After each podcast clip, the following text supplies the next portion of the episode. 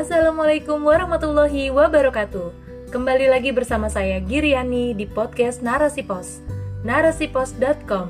Cerdas dalam literasi media, bijak menangkap peristiwa kunci.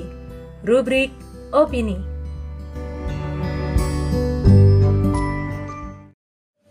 Maraknya konflik di tengah wabah. Siapa tanggung jawab? Oleh Denny Setiokowati SH. Pandemi yang tak kunjung mereda ternyata juga memberi dampak pada psikososial masyarakat. Hal ini tampak pada maraknya kasus kekerasan dan konflik yang terjadi di tengah-tengah masyarakat. Kekerasan dan konflik tersebut menimpa antar anggota masyarakat, antara masyarakat dan tenaga kesehatan, serta petugas pemakaman. Sebagaimana yang dilansir oleh kompas.com, aksi kekerasan yang dilakukan oleh masyarakat desa Sianipar Bulu Silape, Silayan Sumatera Utara terhadap seorang penderita COVID-19.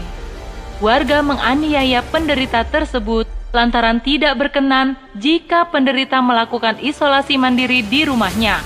Awalnya, warga dan aparat desa meminta kepada penderita tersebut untuk isolasi mandiri di sebuah gubuk di hutan. Penderita pun menuruti keinginan warga dan aparat desa tersebut. Namun, karena merasa tidak betah dan merasa depresi, si penderita akhirnya pulang dan ingin melanjutkan isolasi mandiri di rumah. Warga yang mengetahui hal itu merasa geram, kemudian terjadilah aksi penganiayaan tersebut. Aksi serupa juga dilakukan oleh masyarakat dari Desa Jatian Pakusari Jember terhadap tim pemakaman jenazah COVID-19. Masyarakat desa tersebut melakukan penganiayaan, pemukulan, pelemparan batu dan berusaha membanting tim relawan serta ingin merebut peti jenazah COVID-19. Demikianlah segelintir peristiwa miris yang terekspos media mewarnai kehidupan di tengah wabah hari ini. Kehidupan di masa pandemi yang semestinya menjadikan antara masyarakat saling berempati, tolong-menolong dan bahu-membahu, namun sayangnya belum sepenuhnya tercapai. Hal ini menunjukkan masih minimnya pemahaman masyarakat tentang COVID-19. Ditambah lagi masyarakat mengalami tekanan ekonomi, sehingga menyebabkan merebaknya stres, mudah tersulut emosi, sikap egois dan saling curiga muncul di kalangan masyarakat. Alhasil, terjadilah peristiwa-peristiwa nahas dan menyesakan dada sebagaimana yang diberitakan di atas. Selain itu, para nakes, pejuang garda terdepan dalam menghadapi pandemi ini pun juga turut menjadi sasaran fitnah dan kekerasan oleh masyarakat. Padahal, dari para nakes pun banyak juga yang menjadi korban COVID-19 ini. Mereka bertaruh nyawa menghadapi COVID-19 sementara rakyat yang lain sibuk memfitnah dan tidak menjalankan prokes, bahkan masih sibuk berkoar-koar bahwa adanya COVID-19 adalah konspirasi. Menyoal kejadian ini, memang tak elok juga jika sepenuhnya menyalahkan masyarakat. Sebab sejatinya ada sosok yang lebih bertanggung jawab atas segala hal yang dilakukan dan menimpa masyarakat, yakni penguasa. Dalam hal ini, tampak terdapat kelalaian dari penguasa untuk mengurusi segala hal yang berkaitan dengan rakyat.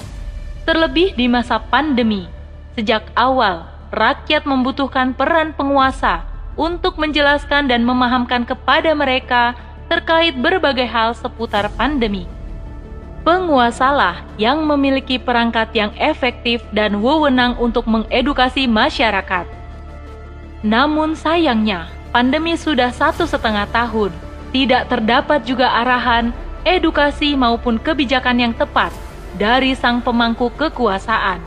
Realitasnya, justru kita dapati kebijakan-kebijakan pemerintah yang lebih condong kepada penyelamatan ekonomi dan mengabaikan nyawa rakyat. Sebenarnya, inilah akibat dari diterapkannya kepemimpinan dalam sistem sekulerisme kapitalisme suatu sistem yang asasnya manfaat dan minus dimensi ruhiah.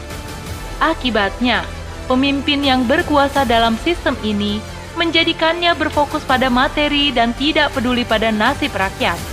Kepedulian terhadap rakyat hanya ada pada saat pemilu, tersebab butuh suara rakyat.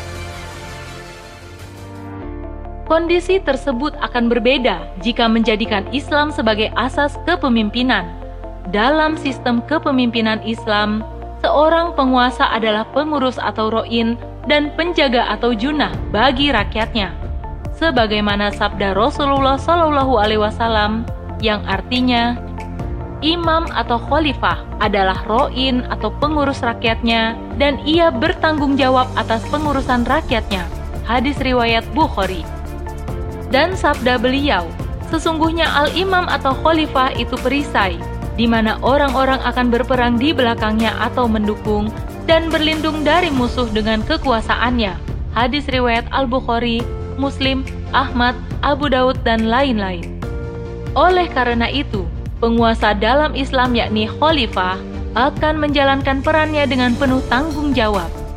Khalifah pun akan menjamin kesejahteraan dan kebutuhan rakyat Khalifah juga akan memberi edukasi terhadap rakyat, sehingga rakyat dapat terhindar dari informasi hoax, dan perilaku rakyat pun dapat terkontrol dan terjaga. Lebih dari itu, negara juga akan menyuasanakan masyarakat selalu dalam ketakwaan saat menjalankan aktivitasnya, sehingga terciptalah hubungan antar masyarakat yang baik dan harmonis. Tentu saja, kondisi ini dapat terwujud jika diterapkannya syariat Islam di seluruh aspek kehidupan. Sebagaimana sejarah membuktikan ketika umat terdahulu juga mengalami ujian wabah taun. Saat itu, di bawah kepemimpinan Islam, Khalifah Umar bin Khattab radhiyallahu anhu mengambil kebijakan karantina wilayah. Saat karantina pun, negara yang menjamin semua kebutuhan rakyat. Selain itu, Khalifah juga mengedukasi rakyatnya agar tidak mendatangi wilayah yang sudah terkena wabah. Begitupun demikian juga penduduk yang di wilayahnya sudah terkena wabah tidak diperbolehkan keluar dari daerahnya. Alhasil, saat itu wabah dapat diatasi dan rakyat pun dapat menjalankan kehidupan secara normal kembali. Begitulah Islam mengatur dan memberi paradigma yang benar tentang tanggung jawab pemimpin. Wallahu alam bisawab.